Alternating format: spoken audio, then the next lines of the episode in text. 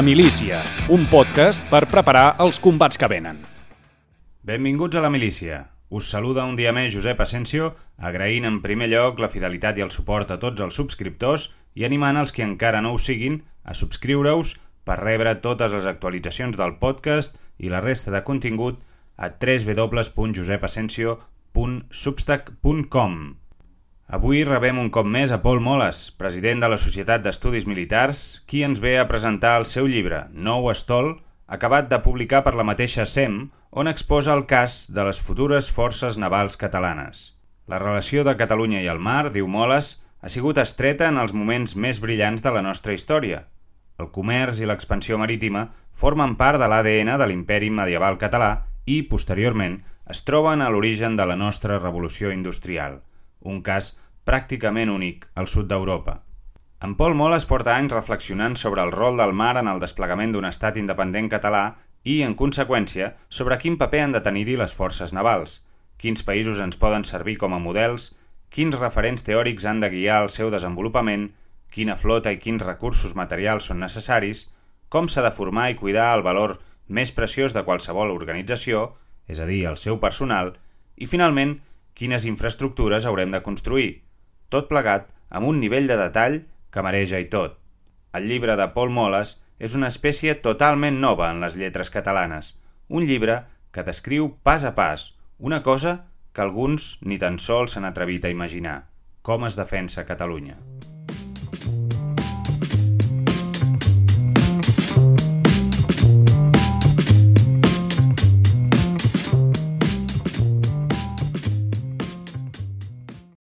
Pol, benvingut a la milícia i gràcies per atendre un cop més la meva trucada. Bona nit, moltes gràcies a tu, Josep.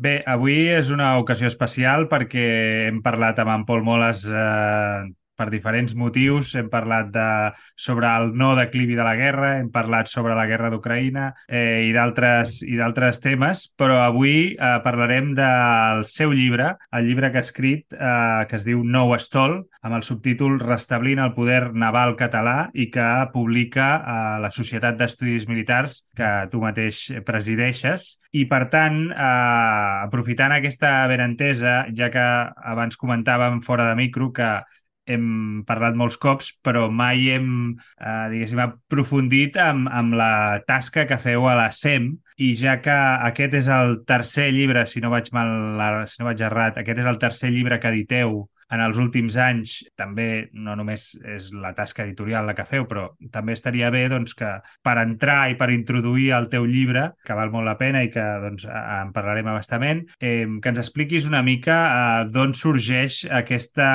o, o d'on ve aquesta voluntat també de posar una mica sobre la taula eh, a nivell intel·lectual temes de, de, bueno, de defensa de, i de poder, eh, poder dur, que se'n diu, no? Sí, exactament.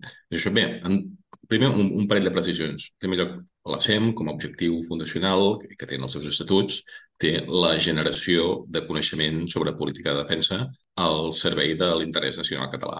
Aleshores, en el marc d'això doncs, hi ha diverses línies sobre com fer-ho. I entrar més concretament en el camp del projecte editorial, doncs en aquest aspecte partim del punt de que hi ha una mancança palmària sobre publicacions de defensa en el nostre àmbit. Més enllà de l'obra de casos d'excepcions en cas d'història, com la història militar de Catalunya de l'Hernández Cardona, però més enllà de casos d'història, poca cosa hi ha sobre, sobre uh, guerra moderna i, uh, i afers militars pròpiament actuals. I a partir d'aquí és quan ens hi vam posar.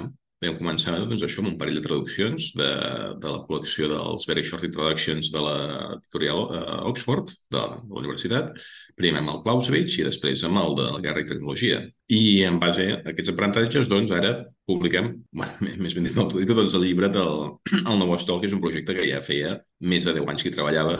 I, vaja, que és allò que amb orgull, però tenim ganes de, de treure molt de sobre el sentit que ha estat una gestació llarga aquesta. Però sí, sí, justament el tema del projecte editorial ve, ve de lluny, ve de lluny. Encara que segurament molta gent um, coneixerà potser també pel llibre el de Política de Defensa i Estat Propi, del 2017, però aquest pròpiament no, no el va, el va, el va publicar l'editorial base, no pròpiament la SEM, tot i que també és un llibre que, òbviament, que hi ha molts eh, socis de la SEM en, aquell, eh, en l'autoria del llibre, també és el nostre. Però pròpiament com l'associació hi ha això, el del Clausewitz i el del Guerra i Tecnologia. I ara aquest. De fet, eh, per posar al dia als oients que no n'estiguin al cas, la SEM, eh, aquesta nova etapa de la SEM, de la Societat d'Estudis Militars, eh, que és una etapa eh, que ve, si tu ja em corregiràs, del 2011, és correcte? 2000... Bueno, el 2011 no és el, no, és, és el llibre. Nosaltres eh, amb la, eh, comencem com a sectorial de defensa de l'AMC el 2012 i pròpiament com a SEM, que recuperem el nom de l'antiga societat, és el 2014. El 2014. Per tant, sí. eh, per, això, per qui no ho tingui al cap, aquesta nova, aquesta nova etapa de la SEM que tu i, i molts altres doncs, eh, vau fundar el 2014, ve precisament d'això que estaves explicant, no? d'aquesta sectorial que hi havia a l'ANC, una sectorial de defensa, no? que, va, que va juntar un grup de persones doncs, que estàveu interessades en aquestes qüestions i que eh, després doncs, eh, va cristal·litzar en una nova associació, que és, és la SEM, i que vau recuperar aquella SEM històrica dels anys 20 i de la qual, doncs, precisament, eh, quan estem gravant això encara no ha tingut lloc, però eh, quan la publiquem, la nostra conversa, sí que haurà tingut lloc, que és un, una conferència que, eh, que ho fareu en breu amb, amb l'historiador això... Frederic Porta. Amb el Frederic, amb el Frederic que ha estudiat doncs, aquella primera etapa de, de la SEM i que, per tant, doncs, hi ha una certa continuïtat històrica, encara doncs, que hagin passat moltes coses i que bueno, eh, és, és també és significativa de, de, del vostre projecte. No? I llavors, eh, entrant una mica en el que, en el que deies, m'interessa una mica que ens expliquis per què tu dius, fa 10 anys que jo ja tenia aquest llibre al cap. I per què concretament el poder naval, per què a tu eh, t'interessa aquesta qüestió quan precisament, doncs, eh, tam, vull dir, de gent que li interessen els temes militars a Catalunya n'hi ha poqueta, però que a més a més els hi agradin els temes militars en la qüestió naval encara potser sou un, un nínxol encara més petit, no? Sí, és, és així.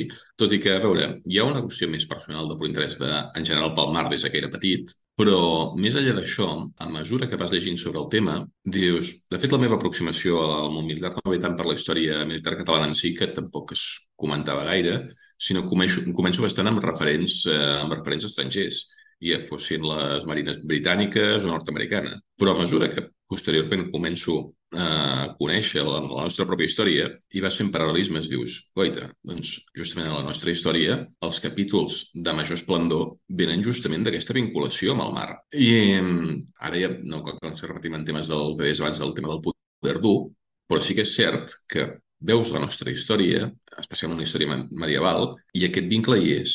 I aquest punt de que, malgrat les reduïdes dimensions demogràfiques en comparació als nostres competidors de l'època, quan no directament enemics, si fossin França o Castella, aquest et donava un punt extra que podia contrapesar els seus adversaris continentals. I alhora, això a mesura que vas llegint, veus que no som ni molt menys els únics. Hi ha hagut altres casos Uh, potser el més semblant al nostre, tot i que és posterior, és el cas dels neerlandesos, ho explico llibre, però bueno, donem una pinzellada, que en el seu procés d'alliberament de l'imperi dels burgs hispànics uh, fan, justament del poder naval, l'eina mitjançant la qual podran contrapesar la força de l'exèrcit continental més poderós de l'època, el dels Habsburg hispànics i posteriorment aguantar contra, contra Lluís XIV i també en una coalició també amb, amb els anglesos i tot. Doncs aquests elements i són i m'han despertat la curiositat i, i és aquesta, base aquesta exploració que hi vaig anar donant forma. A banda, òbviament, del punt diguem-ne, de, clar, de, que la Catalunya independent ha de tenir les seves forces de defensa i s'han de dissenyar les, uh, les seves forces navals. Però jo veia que hi havia més que això. No era només fer una compilació de les unitats que s'hauran de desenvolupar, el material que s'haurà d'adquirir, etc. Hi havia un corpus intel·lectual, teòric, molt més potent que és eh, que he hagut de treballar més. A veure, fer un llistat de... Fer el dimensionament en si era relativament fàcil. Pots fer més o menys el que hi ha en altres països i adaptar-ho. A veure, un moment, perquè uh, uh, vull, vull situar el nostre oient. Aquest llibre que has fet tu és... Uh, és com un, no sé com dir com un manual eh, en el moment en què algú es plantegi seriosament crear unes forces navals catalanes, el primer que haurà de fer és llegir-se aquest llibre i, eh, en tot cas, actualitzar-lo, posar-lo a debat amb qui sigui, eh, assessorar-se... Però aquest llibre que has fet tu, el que fa és eh, el que, és, és que ho estaves explicant ara, no? O sigui, dimensionar, però vas bastant al detall. Vull dir, fas una proposta en la qual tu dius eh, totes les possibilitats de variants que pot tenir una força naval catalana, si ha de ser eh, més neutral, si ha de ser més participativa amb altres organismes, amb altres coalicions, i després llavors ja comences a dir quin personal ha de tenir, quantitats, eh, on, quina infraestructura ha de tenir, quanta, quin armament, quin material, tot i, i després el més bo és que hi poses el pressupost, vull dir, fins i tot dius quan costarà tot això, no?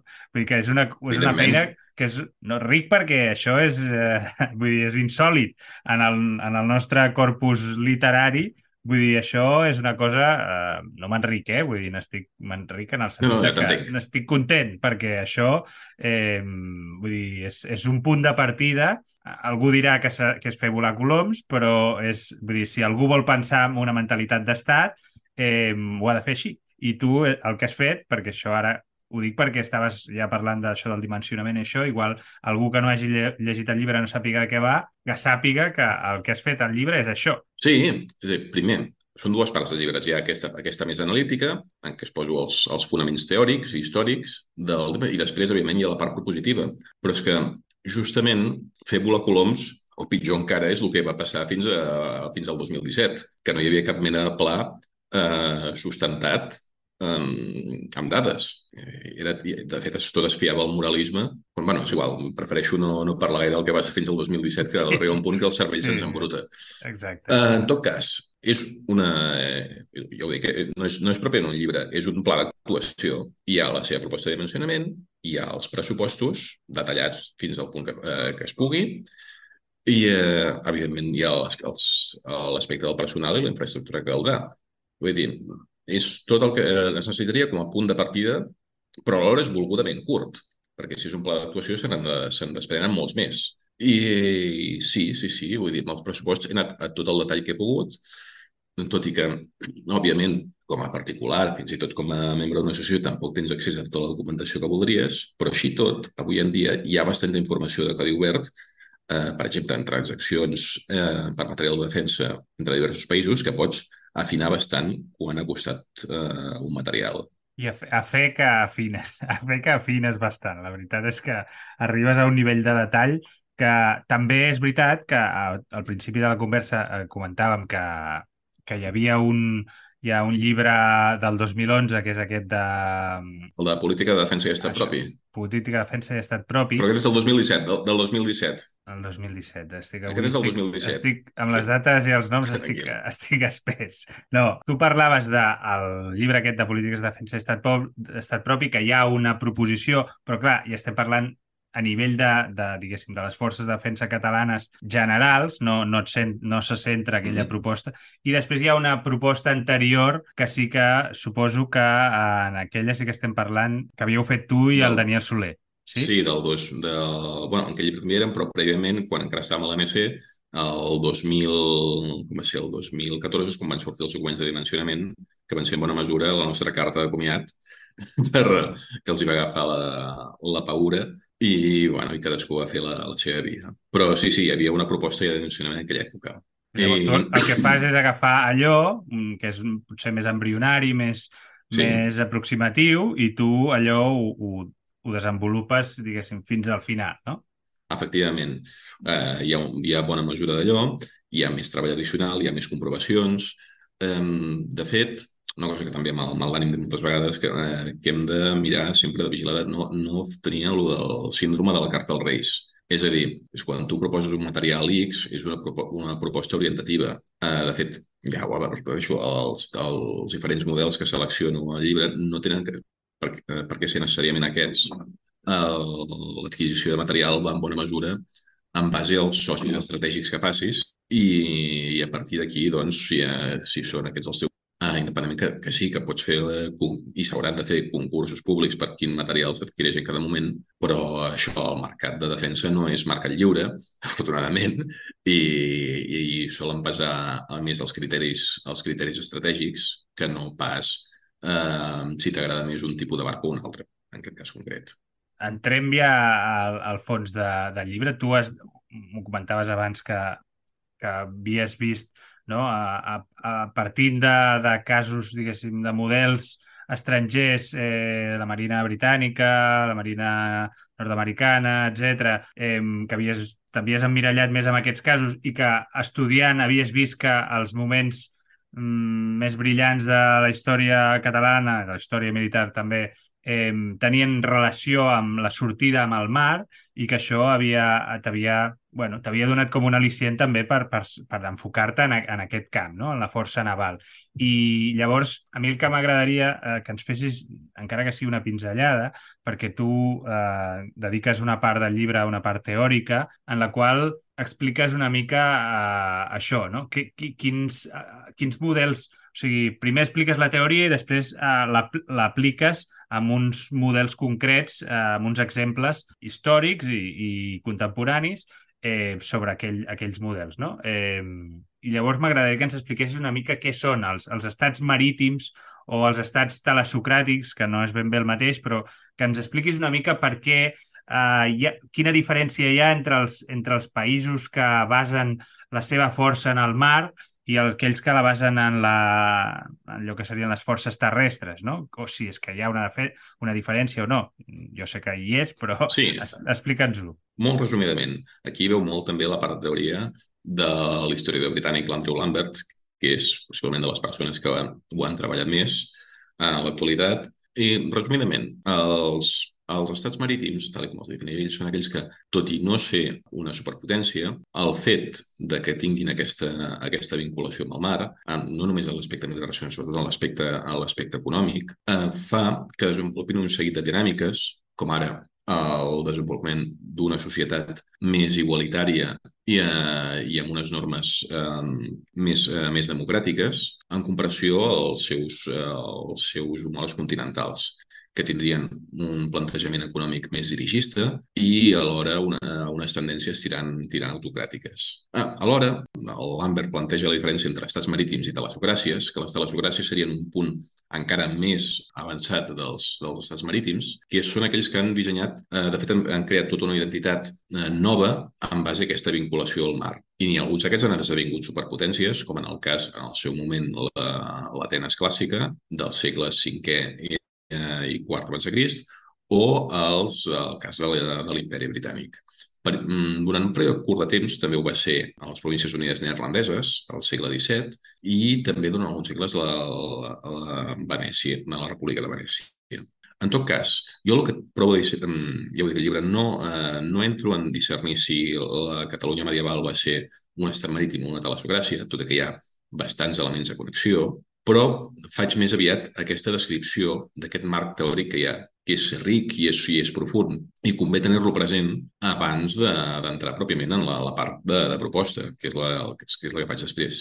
I alhora en faig, el, deies, doncs, alguns, eh, alguns exemples contemporanis.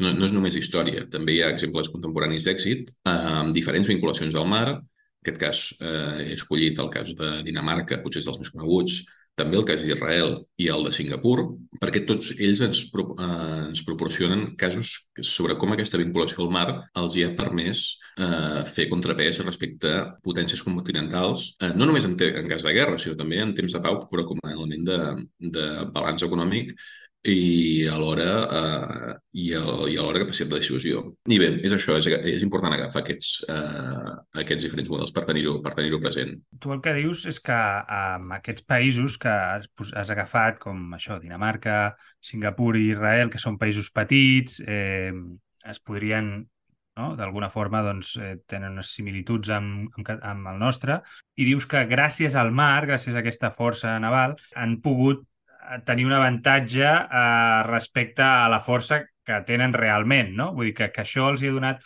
una, una, superior, una superioritat pel que fa al, el que realment representen, no? A tant a nivell demogràfic, a nivell econòmic, vull dir que, que el mar realment els ha fet, els hi ha donat un punt, bueno, això, que els ha fet, els, els, els hi ha donat més força a nivell geopolític, a nivell econòmic, etc. I, I això per què ho fa?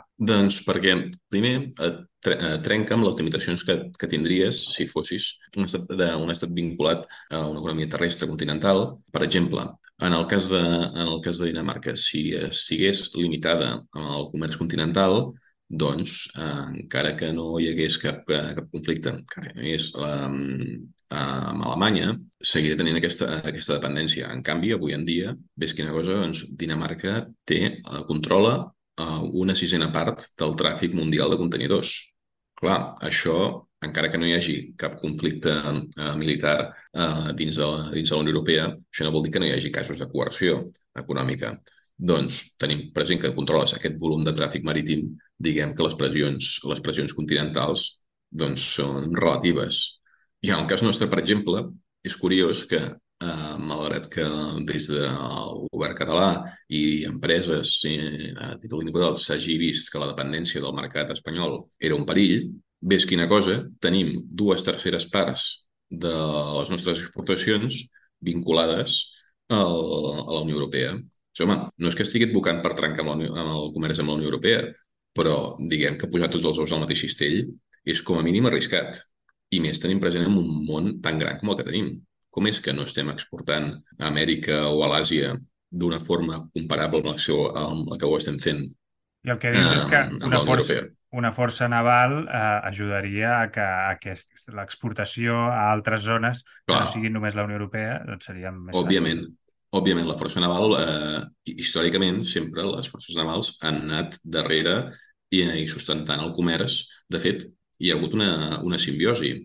Allà on hi havia comerç marítim, sempre hi ha hagut eh, pirateria o hostilitzacions per, per, per part d'altres estats i a partir d'aquí era lògic que es desenvolupés eh, una, una força naval. Alhora, aquesta força naval sempre ha estat, eh, en totes les èpoques, han estat cares. Per això requerien acords socials per tal de poder pagar-les. És a dir, en general, les societats estan més disposades a pagar per forces terrestres perquè les amenaces terrestres són més visibles. En canvi, les amenaces marítimes no ho són tant. Però ningú se n'adona fins que, per exemple, hi ha algun conflicte en què es talla el comerç marítim i coses que són bàsiques deixen d'arribar. D'aquí la lògica que hi hagin eh, unes forces navals protegint-ho. Avui en dia seria una aproximació molt més cooperativa a nivell, a nivell del, del que fa el comerç marítim, però això no vol dir que puguis eh, escapar-te de les teves responsabilitats. I, per exemple, en el cas de la, de la pirateria al, al Golf d'Aden i, uh, i Somàlia, que per cert ara el Mar Roig torna a estar de moda amb, el, amb els darrers llançaments de míssils dels Houthis que hem vist aquesta, aquestes setmanes i segrestos de vaixells, doncs bé, tant Dinamarca com Singapur han estat eh, coordinadors de dispositius de seguretat marítima en aquella zona. Clar, això, òbviament, té després un rèdit polític. Si estàs allà no només aportant-hi les teves forces, sinó més coordinant aquests dispositius, per descomptar el que, que se't tindrà més en compte quan hagis de participar en fòrums internacionals. Eh, perquè, clar, les proclames i els eh, very concerns de la Brussel·les poden, poden ser una cosa, però el que compta la veritat és qui posa el poder dur quan les coses es posen lletges. I en el cas del comerç marítim, doncs, és, és quelcom molt seriós. Pensem que, per exemple, Catalunya produeix el 40% dels aliments que consumeix i la gran majoria d'aquests aliments bàsics venen per mar. Doncs, com per pensar-hi, no?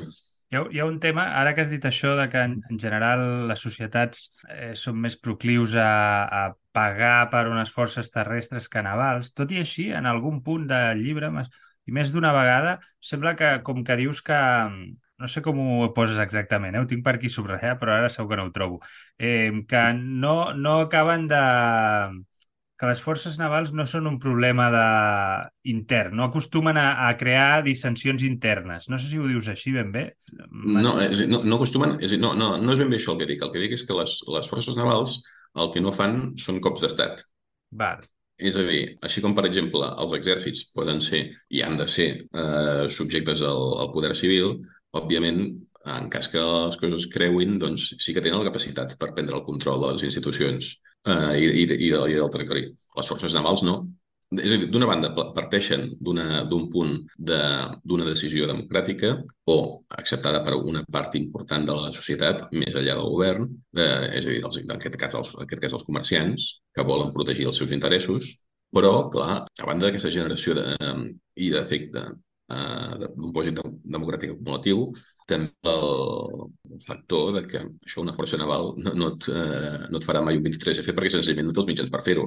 Un exemple que poso sovint i també surt en aquell llibre és el cas de la, de la Revolució Gloriosa del 1688-89 a, a, a Anglaterra, en què justament una de les coses que fan aprovar amb el rei Guillem III d'Orange és que no hi haurà cap exèrcit permanent al Regne Unit eh, sense l'aprovació del Parlament. És a dir, gràcies a que ells s'adjudiquen aquest rei provenent de les províncies unides neerlandeses, eh, això es treuen els Stuart, que són els absolutistes, però eh, alhora eh, es garanteixen amb això que, que no hi haurà mai cap exèrcit permanent que pugui eh, muntar una, un estat autoritari.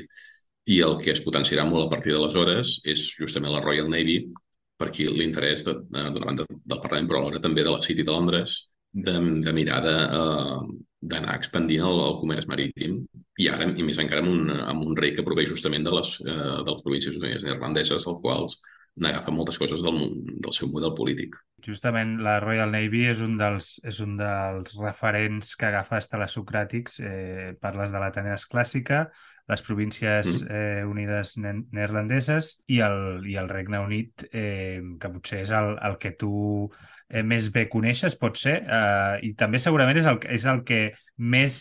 És, és el fet de tenir, no sé si el fet insular també segur que hi ajuda, eh, és el que no només ha tingut una, una marina més, segurament més important al llarg de més temps, sinó que a més a més ja ha pensat sobre el fet aquest, no? És a dir, que la resta potser, a les, no ho sé, ho desconec, eh, però potser a, a les, a, als Països Baixos no sé si hi ha teòrics gaire, gaire importants. En canvi, a Anglaterra, bueno, al Regne Unit, tenim a, tenim a Corbett i tenim a, i tenim el Lambert, per exemple, que són potser els dos o dos dels més importants, no?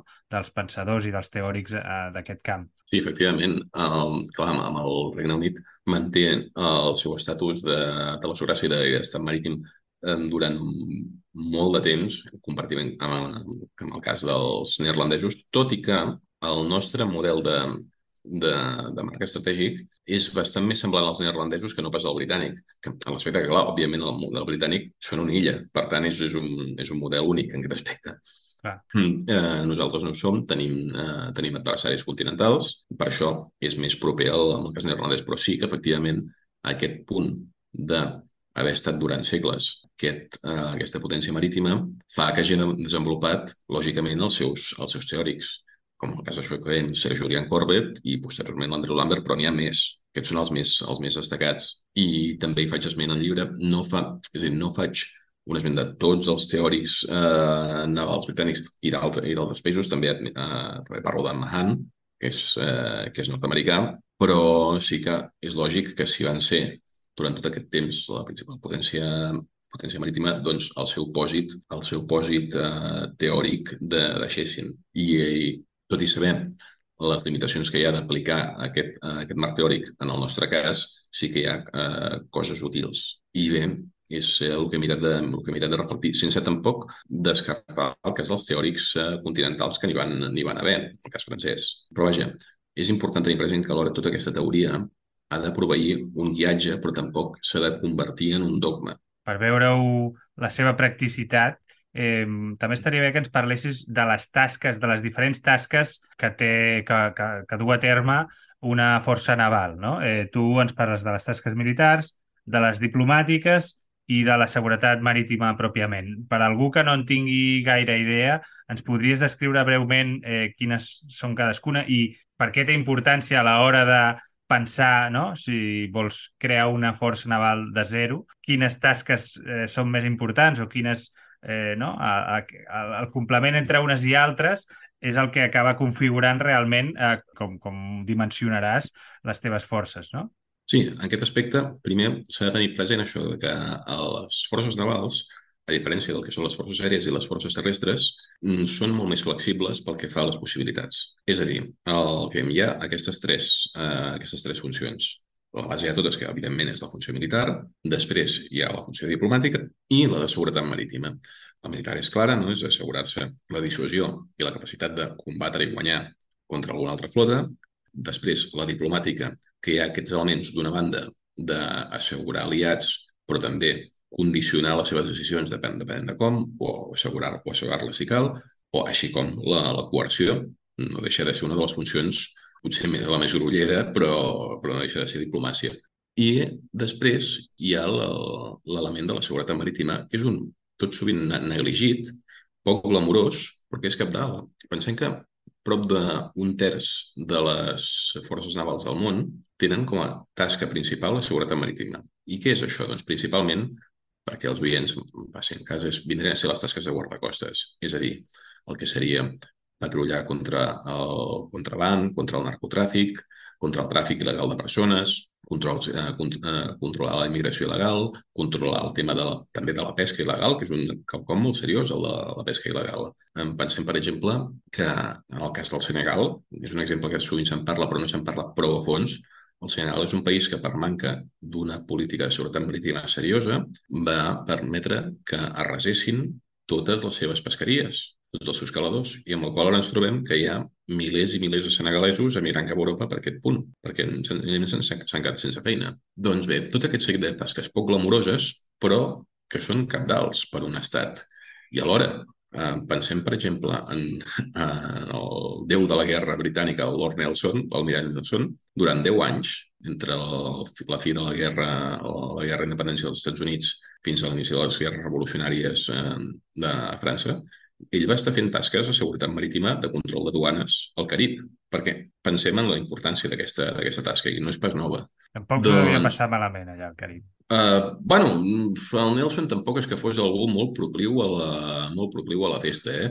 Pensa que era fill d'un capellà uh, i alguna cosa li va quedar d'això. O sigui que no, no, era, no era justament la mena de persona que el Carib s'ho passaria allò més bé.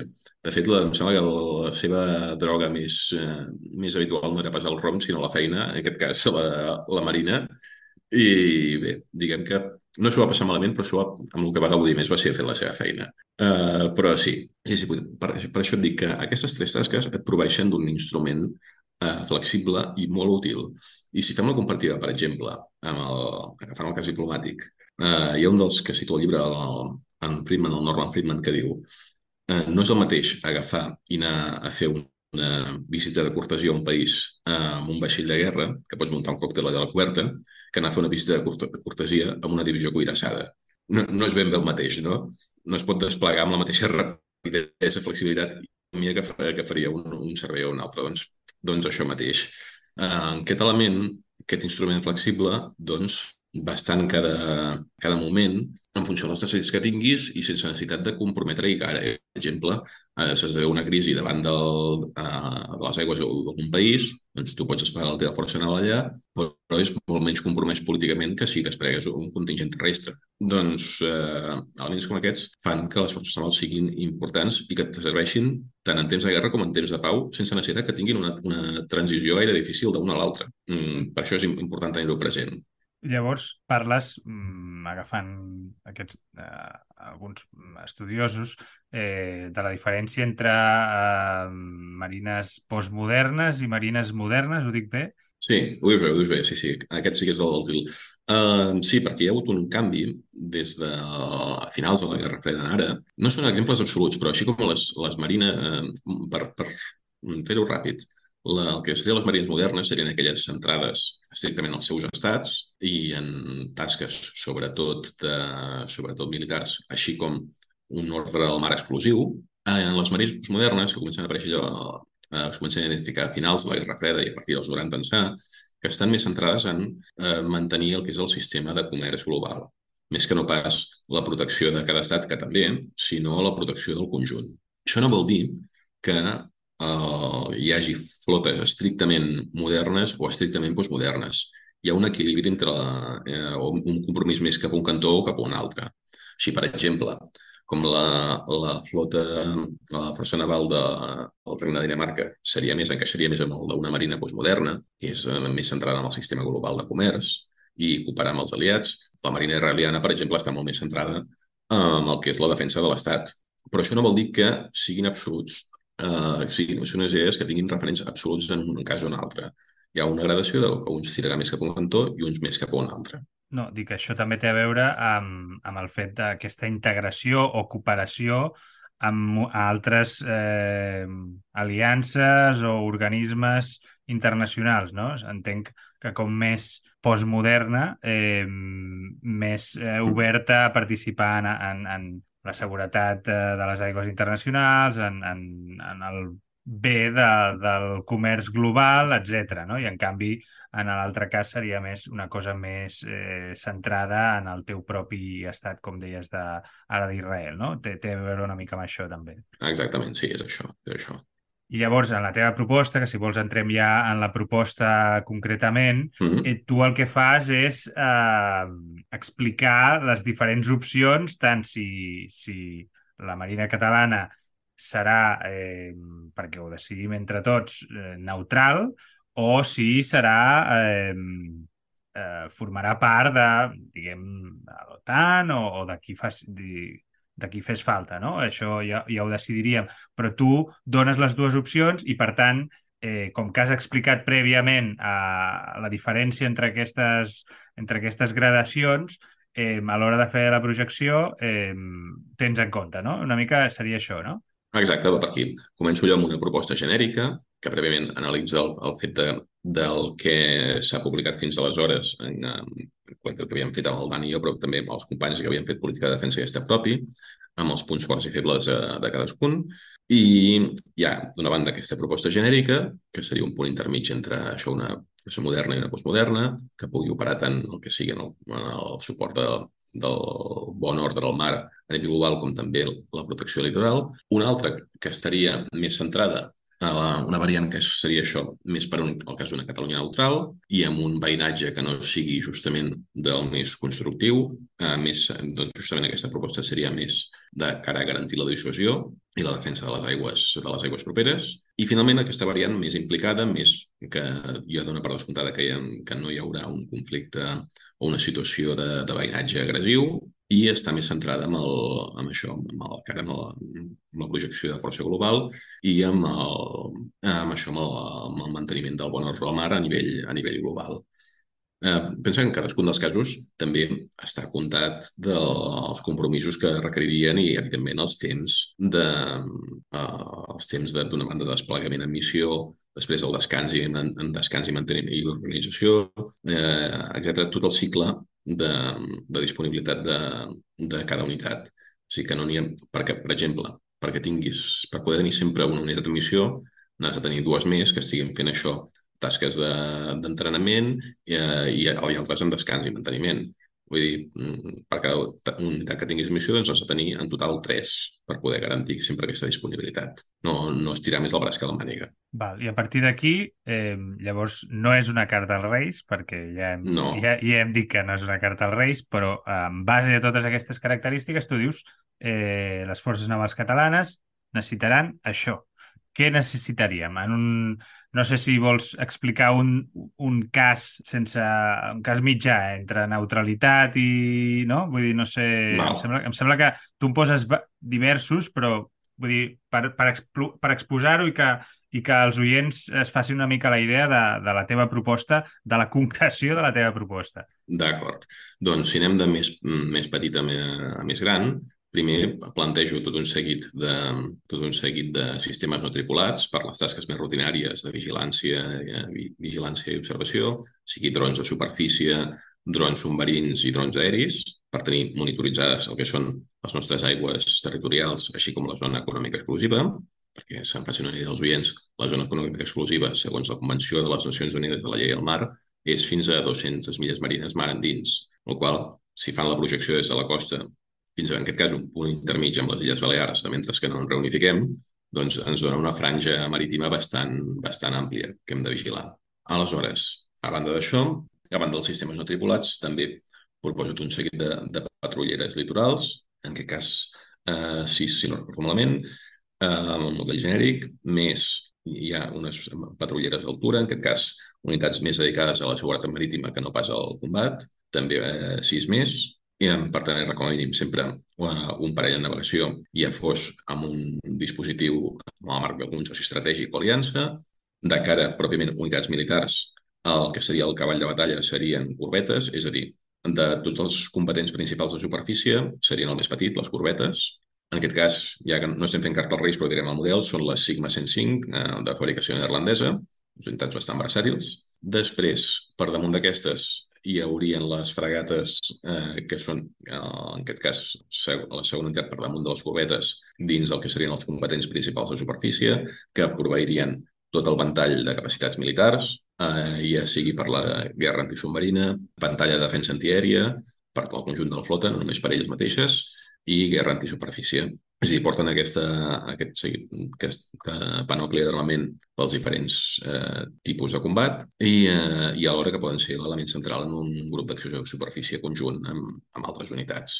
En aquest cas hi hauria, hi hauria tres fregates en aquest cas de les BSB Provincial, de, també de fabricació neerlandesa. I, finalment, hi afegeixo també una unitat, un vaixell multirol, el, en aquest cas un molt peculiar, que justament de fabricació danesa, els Absalon, que són unes unitats que es podrien qualificar com a fregates, però que són, també poden servir com a centre de comandament per operacions amfíbies limitades, així com també comandament i control en, en, per estats majors expedicionaris en missions internacionals, eh, sense descuidar, evidentment, també el tema dels, eh, d'una banda, a les unitats de suport com són els caçamines, perquè encara que sigui també una tasca poc glamurosa, prevenir o netejar les aigües de mines és quelcom essencial en qualsevol eh, força naval contemporània. Hem vist, per exemple, com en l'actual guerra russa-ucraïnesa, el blat i bueno, els cereals en general d'Ucraïna no podien sortir perquè els ports estaven saturats de mines en els seus accessos. I clar, és, però no deixa de ser un exemple del que es pot fer amb recursos limitats eh, i barats com és el desplegament de mines. També eh, important. També he incorporat eh, això que dèiem, elements de suport com són eh, els patrullers d'esquadra, vaixells logístics o remolcadors d'altura. Els patrullers d'esquadra no de són unitats de cara a proveir eh, combustible a les unitats en missió per tal que no hagin de ni tornar a la base abans d'hora ni eh, haver de dependre de ports estrangers si estàs desplegat en algun punt. També hi ha això, els, els vaixells logístics que porten tot aquest seguit d'elements, ja sigui munició, eh, vitualles, eh, també combustible per les unitats d'emissió i el remolcador d'altura, que és que en cas que hi hagués alguna unitat que tingués algun problema en alta mar, doncs eh, es, pugui, es pugui recuperar i no dependre d'altres, així com també tenen tasques de prevenció de, de vessaments, eh, de vessaments de substàncies contaminants, etc. Aquesta seria l'opció més, eh, més versàtil. Després, en funció de cadascuna de, dels compromisos que fem, si és un model més implicat, doncs carregarà més cap a un cantó i si és un model més, més neutral es carregarà més cap a un altre. Però la idea mm, central és aquesta. Uh, són, és aquesta proposta genèrica amb dues variacions. I pel que fa a la tripulació de... És a dir, això també ho has tingut en compte, sí. eh, perquè has fet eh, fins i tot has fet els quadres del desplegament, és a dir, de, això que deies abans, no? de si, un, si una unitat doncs, està quatre mesos a, a l'alta mar, eh, després està a manteniment i després està, doncs tu has calculat el, la tripulació necessària perquè es cobreixin tots els torns, perquè tothom pugui, eh, perquè els soldats, eh, bueno, en aquest cas els mariners puguin tornar a casa i descansar i estar amb la seva família. Eh, també has previst a les escoles, a les acadèmies militars, a l'Acadèmia Naval en aquest cas, bueno, ho has previst, pues està està tot previst. No sé si ens pots explicar una mica eh, pel que fa al factor humà, que tu també el, el, sí. hi poses molt d'èmfasi. Per què és tan important el factor humà? Uh, sí, és que és així. Vull dir, encara que es digui fins a la societat en el món de l'empresa que el tema de les persones són el més important, per més que això moltes empreses ho diguin per fer-se autobombo i amagar les seves pròpies misèries, és que és veritat, és veritat ens trobem exemples al llarg de la història de que una flota, fins i tot estant en inferioritat tecnològica, pot vèncer una altra més capacitada o en inferioritat numèrica pel factor diferencial del que són el seu personal, ja sigui el personal de marineria o els seus comandaments.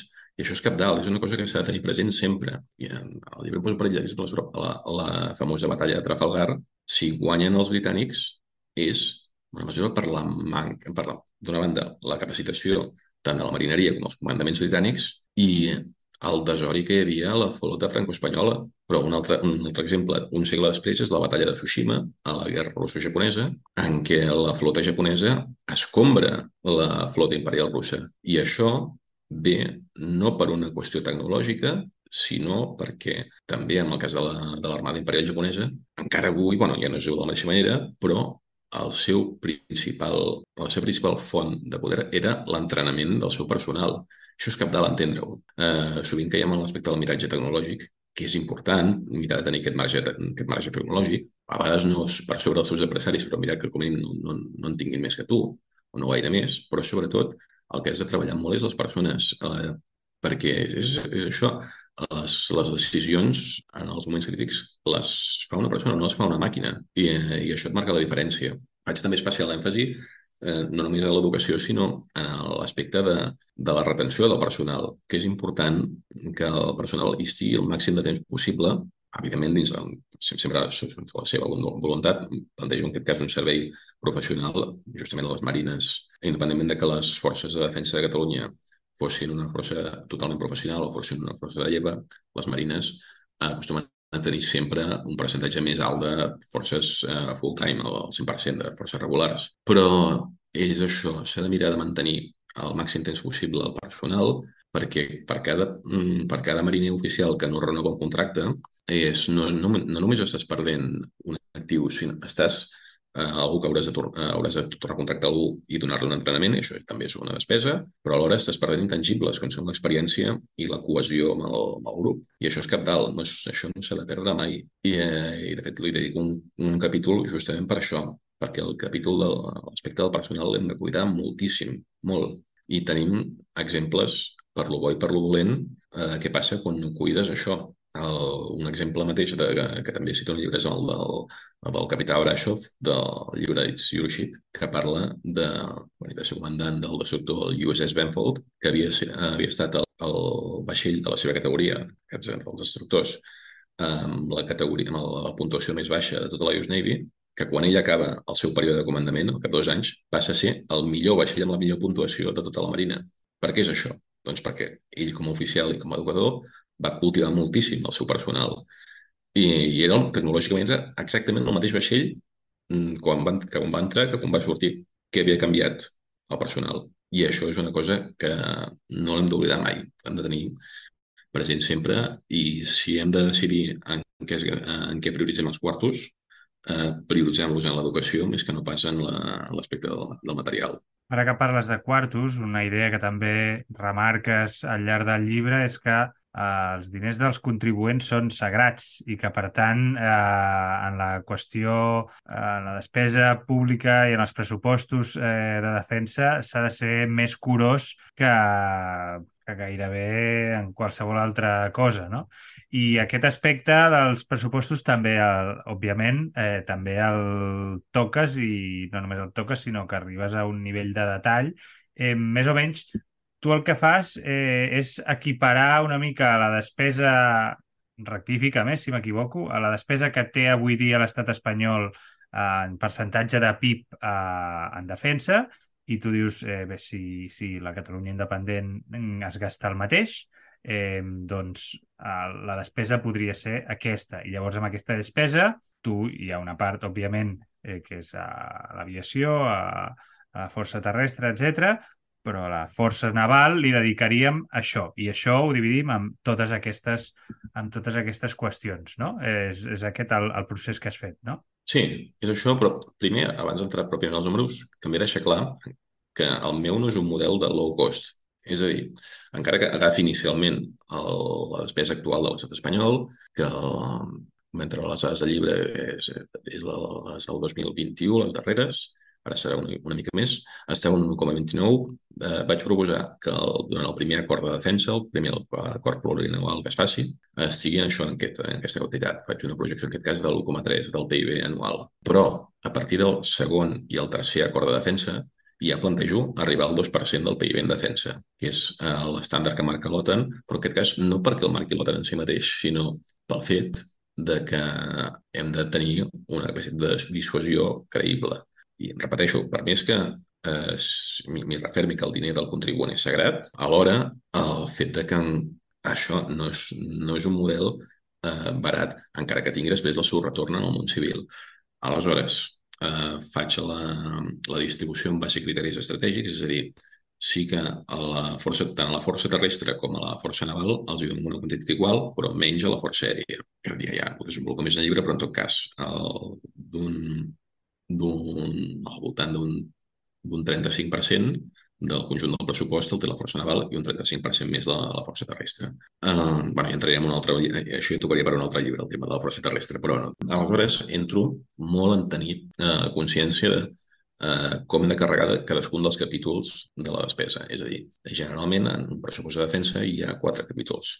Hi ha el de el personal, hi ha el d'operacions i manteniment, hi ha el d'adquisició i el d'infraestructura. En els primers anys, com que justament estarem en creixement, comptarà menys el de personal, però eh, s'haurà de fer una despesa important en l'adquisició de, de material i també en el tema d'operacions de manteniment pel tema de, encara que no estiguem en operacions de combat, esperem que no, s'haurà d'haver-hi de, desplegaments eh, d'entrenament.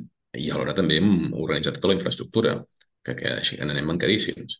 Doncs bé, això és el que plantejo. I alhora, en aquest, en aquest uh, seguit de, de recursos, faig les corresponents verificacions del que hem de, amb, amb la proposta prèvia de, de dimensionament del que podem adquirir i, efectivament, això es pot pagar perfectament. És que el com que és assumible fins i tot amb uns números tan magres com el que és el de la Catalunya autònoma dins de l'estat espanyol, que, per cert, que ningú se n'oblidi, actualment ja en paguem de defensa en el marc de l'estat espanyol, no pel fet de ser una comunitat autònoma en estem exempts. Doncs això, que sí, els diners del contribuent són sagrats, però el meu model no és un model low cost. També hi haurà retorn. Hi haurà retorn el que, en, en diferents aspectes, però, però sí, no és un model low cost. Està bé, està bé que ho, que ho deixis clar. Eh, crec que el llibre també també queda clar, però sí que és veritat que eh, m'ha sobtat o eh, ho he llegit moltes vegades aquesta idea de que, de que els diners del contribuent, vull dir, el, el fet de que no es dilapidin eh, doncs és un signe de d'una democràcia sana, no? O que, o que es puguin controlar, que es puguin que estiguin, que se sàpiga amb què es gasten, eh, cosa que ara potser de vegades no, no se sap o no, no és tan clar eh, dins de l'estat espanyol i per tant doncs, eh, és una mica el bo que té el fet aquest de, de plantejar les coses de zero, no? eh, com estaves dient abans Exacte. a, a l'hora de dimensionar les unitats que, que vols eh, o parlant del personal, no? que, que deies que és, és un element eh, prioritari. En, tu també és una de les coses que t'he sentit dir al llarg de, de, del temps que hem, que hem anat parlant, de que moltes vegades eh, els catalans tenim una visió de, dels exèrcits, de, de la cosa militar, eh, negativa pel fet de que l'exemple que tenim és, és, és, és el de l'exèrcit espanyol, no? Llavors, eh, en el cas de, de, del personal, per exemple, o en el cas de la despesa, eh, doncs és una mica el mateix, no? Que, que molta gent està en contra ja només perquè perquè s'imagina que hauríem de replicar un model eh, que en moltes coses eh, doncs, eh, doncs deixa molt a desitjar, no? i en aquest cas doncs, doncs no seria així. Jo crec que eh, anirem acabant, però eh, sí que m'agradaria repassar l'última part eh, del teu llibre, que és la infraestructura. A la infraestructura ja eh, també mm. ens detalles què és el que necessitem, eh, i hem parlat de personal, hem parlat de, de, del dimensionament de, de les unitats, eh, hem parlat dels pressupostos, la infraestructura. Què, què, què tenim, què necessitem? Què tenim en aquest moment? Molt poca cosa, però no vol dir que no tinguem coses. Un dels problemes justament del marc mental autonòmic és que, clar, si no es pensava en un estat, no s'ha pensat en les infraestructures que, que ens caldran en el, en el cas de la defensa. I per això tenim un problema de que, malgrat que el, que el litoral català estigui ple de ports, molt pocs ens siguin realment útils. Aleshores, ports pròpiament que siguin útils per acollir la força naval, com a bases, amb, la, amb totes les capacitats de suport d'una flota, són Barcelona i Tarragona. Aquests seran els principals nuclis on, on s'haurà d'allotjar la Força Naval Catalana. Per què? Perquè hi ha els espais on pot ser allotjada, però tenen també tots els elements, ja sigui enllaços ferroviaris, àrees industrials, eh, zones industrials properes que puguin proveir el material necessari, així com les corresponents, les corresponents connexions. I alhora, perquè, a veure, ser les principals ciutats de, algunes, en aquest cas Tarragona també, de la Catalunya independent també comporta responsabilitats. Per això, Barcelona i Tarragona serien dels principals. Eh, hi ha un element que, bueno, algun lector ja ho ha fet notar eh, pel Twitter, que és un fet que eh, proposo que, per tal de fer el mínim mal possible a l'activitat econòmica, la força naval és, el que faig és cancel·lar els contractes o, o directament expropiar el que calgui del cas de les terminals de creuers, eh, de creuers turístics. Tot això, res i curt, va fora. Jo crec que amb això, uh, amb això la teva proposta guanyaria, guanyarà molts suports. Eh? bueno, més enllà de la meva animadversió personal contra els creuers turístics, uh, més enllà d'això, és que l'aspecte econòmic no aporten res, sinó més aviat al contrari, sent externalitats negatives. El que no toco, per exemple, és tot el que és activitat uh, de comerç, tot el que és eh, terminals de contenidors, Eh, així com proveïms d'hidrocarburs i sòlids i granel, això no es toca en cap moment. Um, és activitat econòmica i uh, estratègica pel país i això no, no es toca. Però sí, el tema dels creuers turístics, a banda de ser una aberració estètica, són un, uh, són un, un passiu pel que fa a l'economia del país. Per tant, tot això va fora, tant a Barcelona com a Tarragona. El que, en canvi, hi haurà, hi haurà acords público-privats és, per exemple, l'aspecte de les drassanes, que tot i que ja no siguem un país industrial que hem de tornar-ho a ser, actualment només estem al 18,5% del PIB industrial, per exemple, a Barcelona hi ha drassanes de, de llocs de luxe, però són tan grans que servirien pel que fa al manteniment d'unitats militars. Això aquí hi ha un aspecte, tenim aquí un actiu estratègic que hem d'aprofitar, eh, invertir-hi i reconduir-lo. És a dir, si volen seguir fent llocs de luxe, que els facin, però això també serà un espai on la força naval podrà situar les seves, eh, les seves unitats pel, pel manteniment. Hi ha algunes altres, eh, altres ports menors que també en tenen, ja sigui Palamós o la Vilanova i la Geltrú, o, o també l'Ametlla de Mar, ai, l'Ametlla de Mar, no, perdó. Uh, el Canà, Ràpita? Sant Carles de la Ràpita, que, que, que ens donen opcions. També algunes opcions de, de ports de van, o en desús, com el del port industrial de Vallcarca, que té, té algunes funcions concretes. Però, vaja, tenim un seguit d'infraestructura que, se li pot, eh, que se li pot donar la volta i, i aprofitar-la. S'hauran de fer algunes obres, evidentment, pel que fa al tema dels dipòsits per emmagatzemar la munició. Hi haurà espais que s'hauran de, de crear de, de cap i de nou. Però això forma part de ser un estat. I a eh, qui no li agradi, doncs, haver escollit seguir sent una comunitat autònoma però sí, hi ha un seguit de coses que bueno, porto anys pensant-hi i el, llibre està plasmat doncs, de coses que s'hauran de fer. I bé, doncs hi ha alguna infraestructura eh, també del, pel que fa al Ministeri de Defensa que es pot aprofitar, poca cosa, perquè en bona mesura de forces militars espanyoles n'hi ha el que és estrictament de defensa n'hi ha molt poques a Catalunya, però hi ha així tot infraestructura que es pot fer servir. I, vaja, el llibre i tenint, eh, i tenint les claus de, de com fer-ho. I alhora també hi haurà un element, tot i que no és el principal criteri, un element de, de reequilibri territorial que amb el fet de tenir un seguit de, de bases i estacions navals al llarg de la costa també fa que generi una demanda agregada als municipis on s'hi allotgin que podrà compensar en certa manera l'economia de, de, depèn de quins llocs. No és el criteri principal, però també hi pesa. El motiu principal de tenir una dispersió de, de bases i estacions navals al llarg de la costa, sobretot, és perquè no et puguin deixar fora de joc d'un sol cop. Aquest és el motiu principal. Però s'ha de reconèixer que també té un, un impacte positiu conforme això de, de consum eh, pel que fa al, als aquarteraments en aquells municipis on hi ha, on, on s'hi ha una base naval.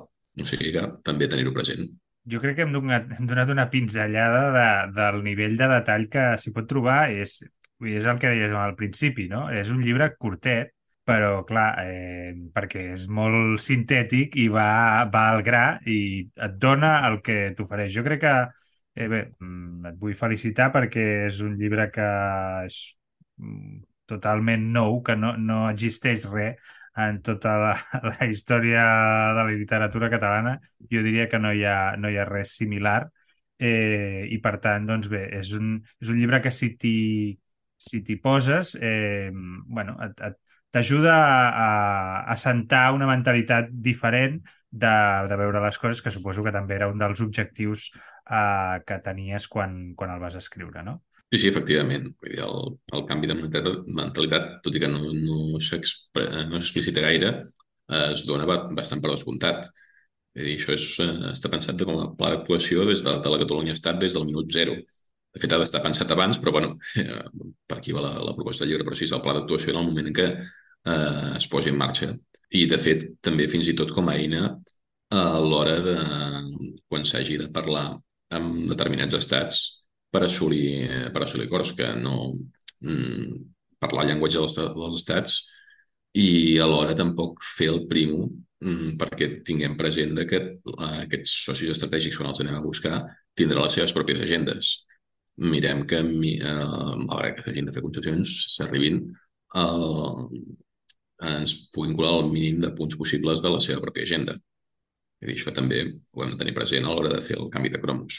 Bé, doncs no sé si vols afegir alguna cosa més. Jo el que faré, el que faig és eh, convidar, comminar a tots els nostres oients a que, doncs, no sé com, mm, per, per adquirir el llibre, què és el que han de fer? Explica'ns-ho també, perquè sí, no es troba a les llibreries. No, no es troba a les llibreries. Com que des de la SEM creiem molt el tema, eh, encara que sembli estrany, de la, del punt d'autogestió, doncs, si entren a la web de la SEM, hi hauran que hi ha una, una icona al costat amb la portada de llibre i poden fer la reserva allà i eh, aleshores hi ha dues opcions, o bé l'enviament a domicili o la recollida presencial, és molt fàcil, i a partir d'aquí cadascun doncs, que escolli l'opció que, que més li plagui. Doncs, entren això, estudismilitars.cat, ja veuran que tenen al costat una icona, un banner on, on poden accedir per, per reservar el llibre. Perfecte, doncs jo crec que amb això ja, ja podríem donar la conversa per avui finalitzada. Eh, gràcies per venir a presentar a la milícia el teu llibre i doncs bé, eh, seguirem, seguirem parlant.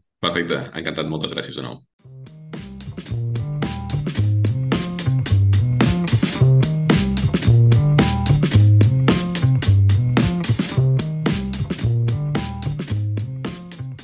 La milícia, amb Josep Asensio.